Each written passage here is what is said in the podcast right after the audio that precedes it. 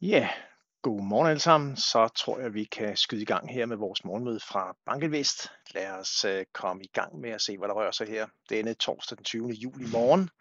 Det var endnu en dag, endnu små plusser på aktiemarkedet. Små små, de har været pænt store i en periode. Samlet set i hvert fald, vi er bare i går op med 0,25 procent på S&P 500, vi er op med 0,26 procent på Stock 600, så, så det er små øh, plusser, vi er, vi, vi er vidne til. Men altså, det har jo virkelig været en, en optur, som, øh, som vi har kunnet notere os her på de amerikanske aktier, som vi ser det på, skal jeg se en gang, jeg hører en voldsom støj, den er forsvundet igen. S&P 500 ligger altså senest op i kurs 4.566, og det er egentlig kun omkring 5,5% fra den top, vi satte i starten af 2022. Jeg tror, det var 4. januar, vi var oppe og snuse til kurs øh, 4.818, så, øh, så det er ikke øh, langt, vi er fra, fra den top, vi satte på det tidspunkt der.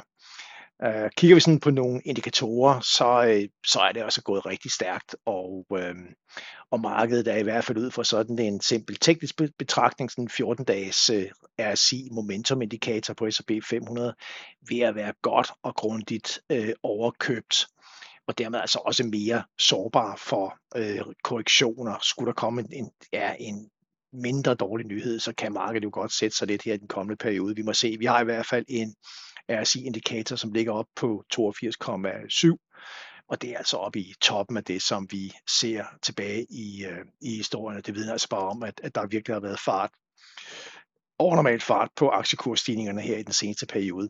Vi kan også se på øh, sådan en, en herlig indikator. CNN har det såkaldte Fear and Greed Index, og øh, det ligger nu op i Extreme Greed, og, og der kan man altså gå ind, og jeg tror så, at vi har en, en god ven med på, øh, på, på mikrofonen her. Jeg bedes lige slukke mikrofonen.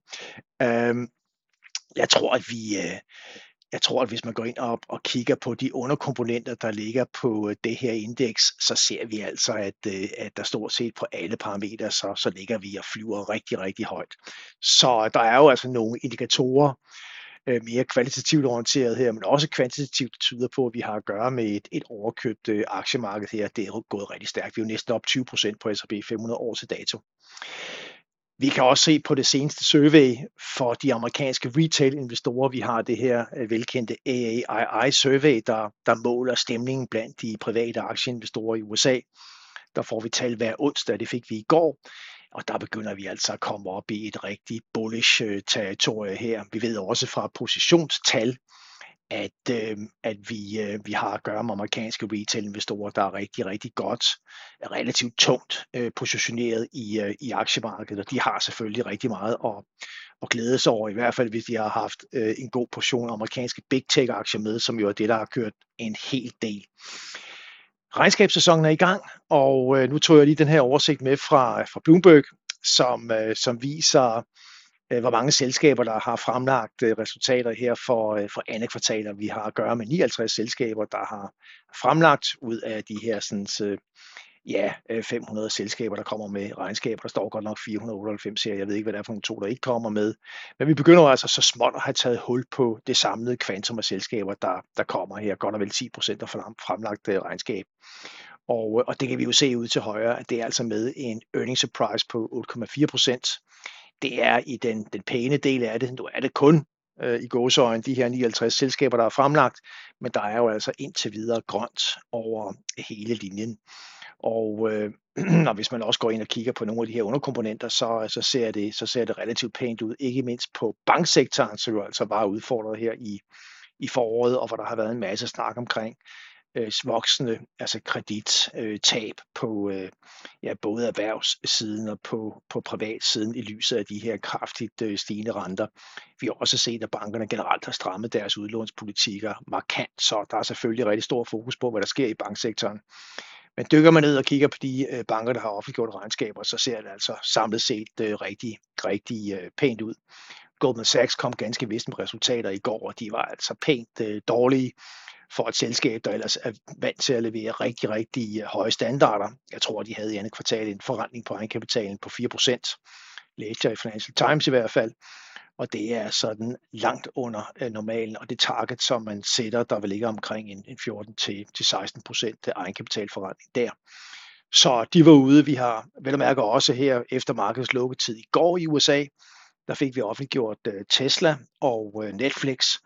Og altså for eksempel så ser Netflix en, en, endnu en markant fremgang i antallet af abonnenter. Jeg tror, det var næsten 6 millioner nye subscribers i, uh, i andet kvartal. Men de tjener ikke helt så mange penge på, på de nye kunder, og, uh, og det var altså med til at, at sende uh, relativt uh, svage, ikke svage, men i forhold til forventningerne, uh, relativt svage omsætningstal var med til at sende aktien ned med en 7% i eftermarkedet. Vi så også, hvordan Tesla blev sendt ned i, uh, i eftermarkedet. Det betyder også, at vi har Nasdaq Futures lidt i rødt øh, her til morgen, ligger ned med omkring 0,4% i øjeblikket på Nasdaq øh, Futures efter de regnskaber her.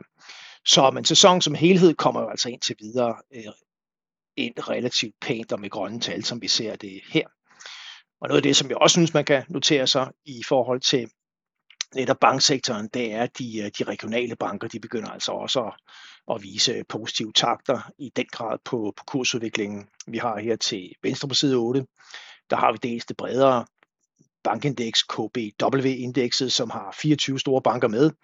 Vi så klart stigningstakter, men S&P US Regional Banks indekset med de mindre banker, de er stadig store i, i hvert fald en dansk optik, jamen det stiger altså også rigtig kraftigt, det indeks her. På den europæiske side, så ser vi også, at, øh, at bankindekset stiger rigtig flot. Vi er op med 14 procent øh, år til dato på Stock 600 Banks mod cirka 9 procent på det brede Stock 600 indeks. Så, øh, så der, der flyver vi altså også opad. Så der er nogle positive øh, vinde hen over ikke mindst banksektoren, og det er selvfølgelig øh, super vigtigt for også for billedet af, hvordan det går i den bredere økonomiske udvikling. selvom vi får de her resultater ind øh, med, med overraskende positive øh, indtjeningsestimater generelt, i forhold til ikke estimater, men realiseret indtjening i forhold til forventningerne for andet kvartal, jamen så flytter det indtil videre ikke rigtig meget på de fremadrettede indtjeningsforventninger. Hvis vi kigger på S&P 500 forward øh, uh, EPS estimaterne for 23 og 24, så ligger de ret stabilt på henholdsvis øh, seneste øh, 217 dollar og 240 dollar. Så der sker jo ikke så meget på de fremadrettede indtjeningsforventninger for markedet som helhed, indtil videre i hvert fald. Og da vi jo har stigende aktiekurser, jamen så betyder det jo implicit, at markedet er parat til at sende valuation højere op på, på aktier. Og vi ligger senest med 12 måneders forward P på S&P 500 på lige omkring 19, og det er jo relativt højt i en historisk kontekst. Og hvis vi kigger på det, vi kalder for Fed-modellen eller Fed-spreadet, hvor vi ser på earnings yield på S&P 500 i forhold til en 10-årig statsrente i USA, så ligger vi nede med et, lad os kalde det et Fed spread på 128 basispunkter. Det er altså lavt i en historisk øh, kontekst, i hvert fald i forhold til de sidste 10 år, hvor vi har haft sådan et gennemsnitligt spread, eller lad os sige en form for øh, mere præmie på aktiemarkedet relativt til obligationer på 3,5 procent, 350 basispunkter. Så aktierne er, er dyrt prisfastsat i forhold til, til renteniveauet. Det er der ikke nogen tvivl om, og, øh, og P kører altså op i øjeblikket på den her aktieoptimisme, som vi er med at gøre. Over på øh, rentesiden, der har vi øh, jo altså vigtige møder til i næste uge. Vi har Fed udmelding onsdag, vi har ECB torsdag. Der sker ikke ret meget på de forventede korte renter i hvert fald, hvor vi ligger ultimo året. Vi ligger ret stabilt omkring en, en 5,3 procent, 5,35 procent på en forventet kort rente fra, fra Feds side, øh, sammenholdt med en, øh, en kort Fed-rente, der ligger mellem 5 og 5 kvart procent i øjeblikket. Der ligger i, i brede termer omkring kvart procent pris ind i USA. Øh, og så er vi røget lidt ned på den forventede korte rente i slutningen af 24. Vi er røget ned under 4 procent, ligger senest på 3,9 øh, procent. Det er stadigvæk i den, i den høje ende af det, som vi har set igennem det sidste halve års tid, og det interval, hvor vi har ligget og handlet. Og altså i min optik, så er der, øh, Øh, så er der grund til at forvente, at de her fremadrettede forwardrenter ind i 24, ja, de kan komme længere ned.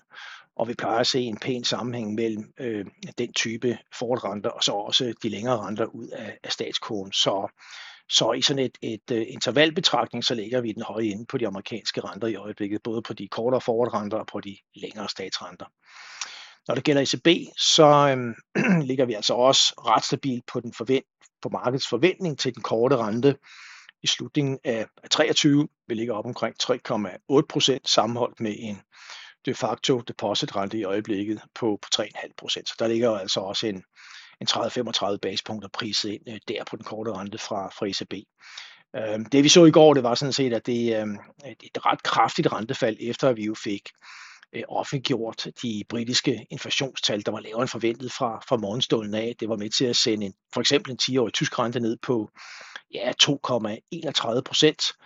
Men markedet vender rundt igen, og renten slutter altså op på, på 2,4 procent netto plus 5 basispunkter over dagen. Så øh, den optimisme, der gjorde sig gældende tidligt for morgenstunden, den var altså aftagende i løbet af, af dagen. Markedet var jo også øh, relativt begejstret over at høre nogle udtalelser fra øh, Klaas Norddagen i forvejen, som øh, den hollandske øh, centralbankchef og medlem af ECB-rådet, som var ude at indikere, at det langt fra var givet, at ECB ville sætte renten op efter næste uges forventede renteforholdelse.